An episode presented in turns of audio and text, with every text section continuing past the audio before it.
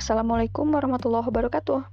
Pojok resensi kali ini uh, mengulas sebuah buku yang berjudul Kepingan Mimpi dalam Alunan Hujan. Buku ini saya resensi di bulan April 2022 atau tepatnya bertepatan dengan bulan Ramadan 1443 Hijriah. Buku ini ditulis oleh Apriliantino dan kawan-kawan atau merupakan kumpulan penulis yang tergabung dalam sebuah grup bernama Yellow Egg Menulis. Diterbitkan oleh CV Ladit Trikarya tahun 2022.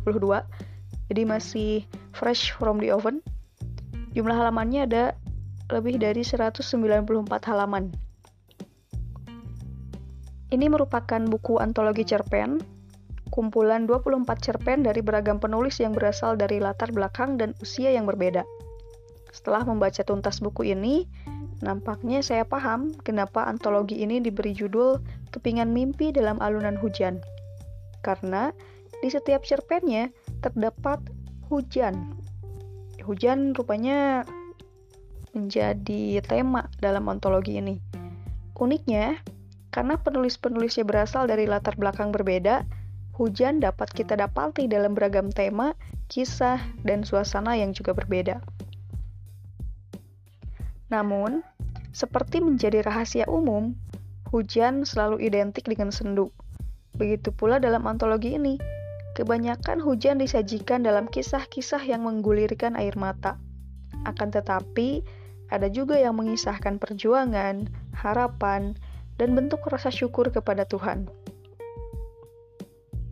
Jika diibaratkan permen, maka antologi ini layaknya permen nano-nano, rame rasanya.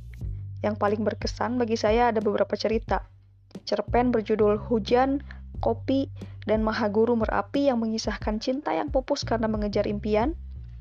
Cerpen Sepeda Ontel Penjemput Mimpi, dan cerpen Mimpi Masa Kecil Rara yang mengisahkan semangat meraih mimpi.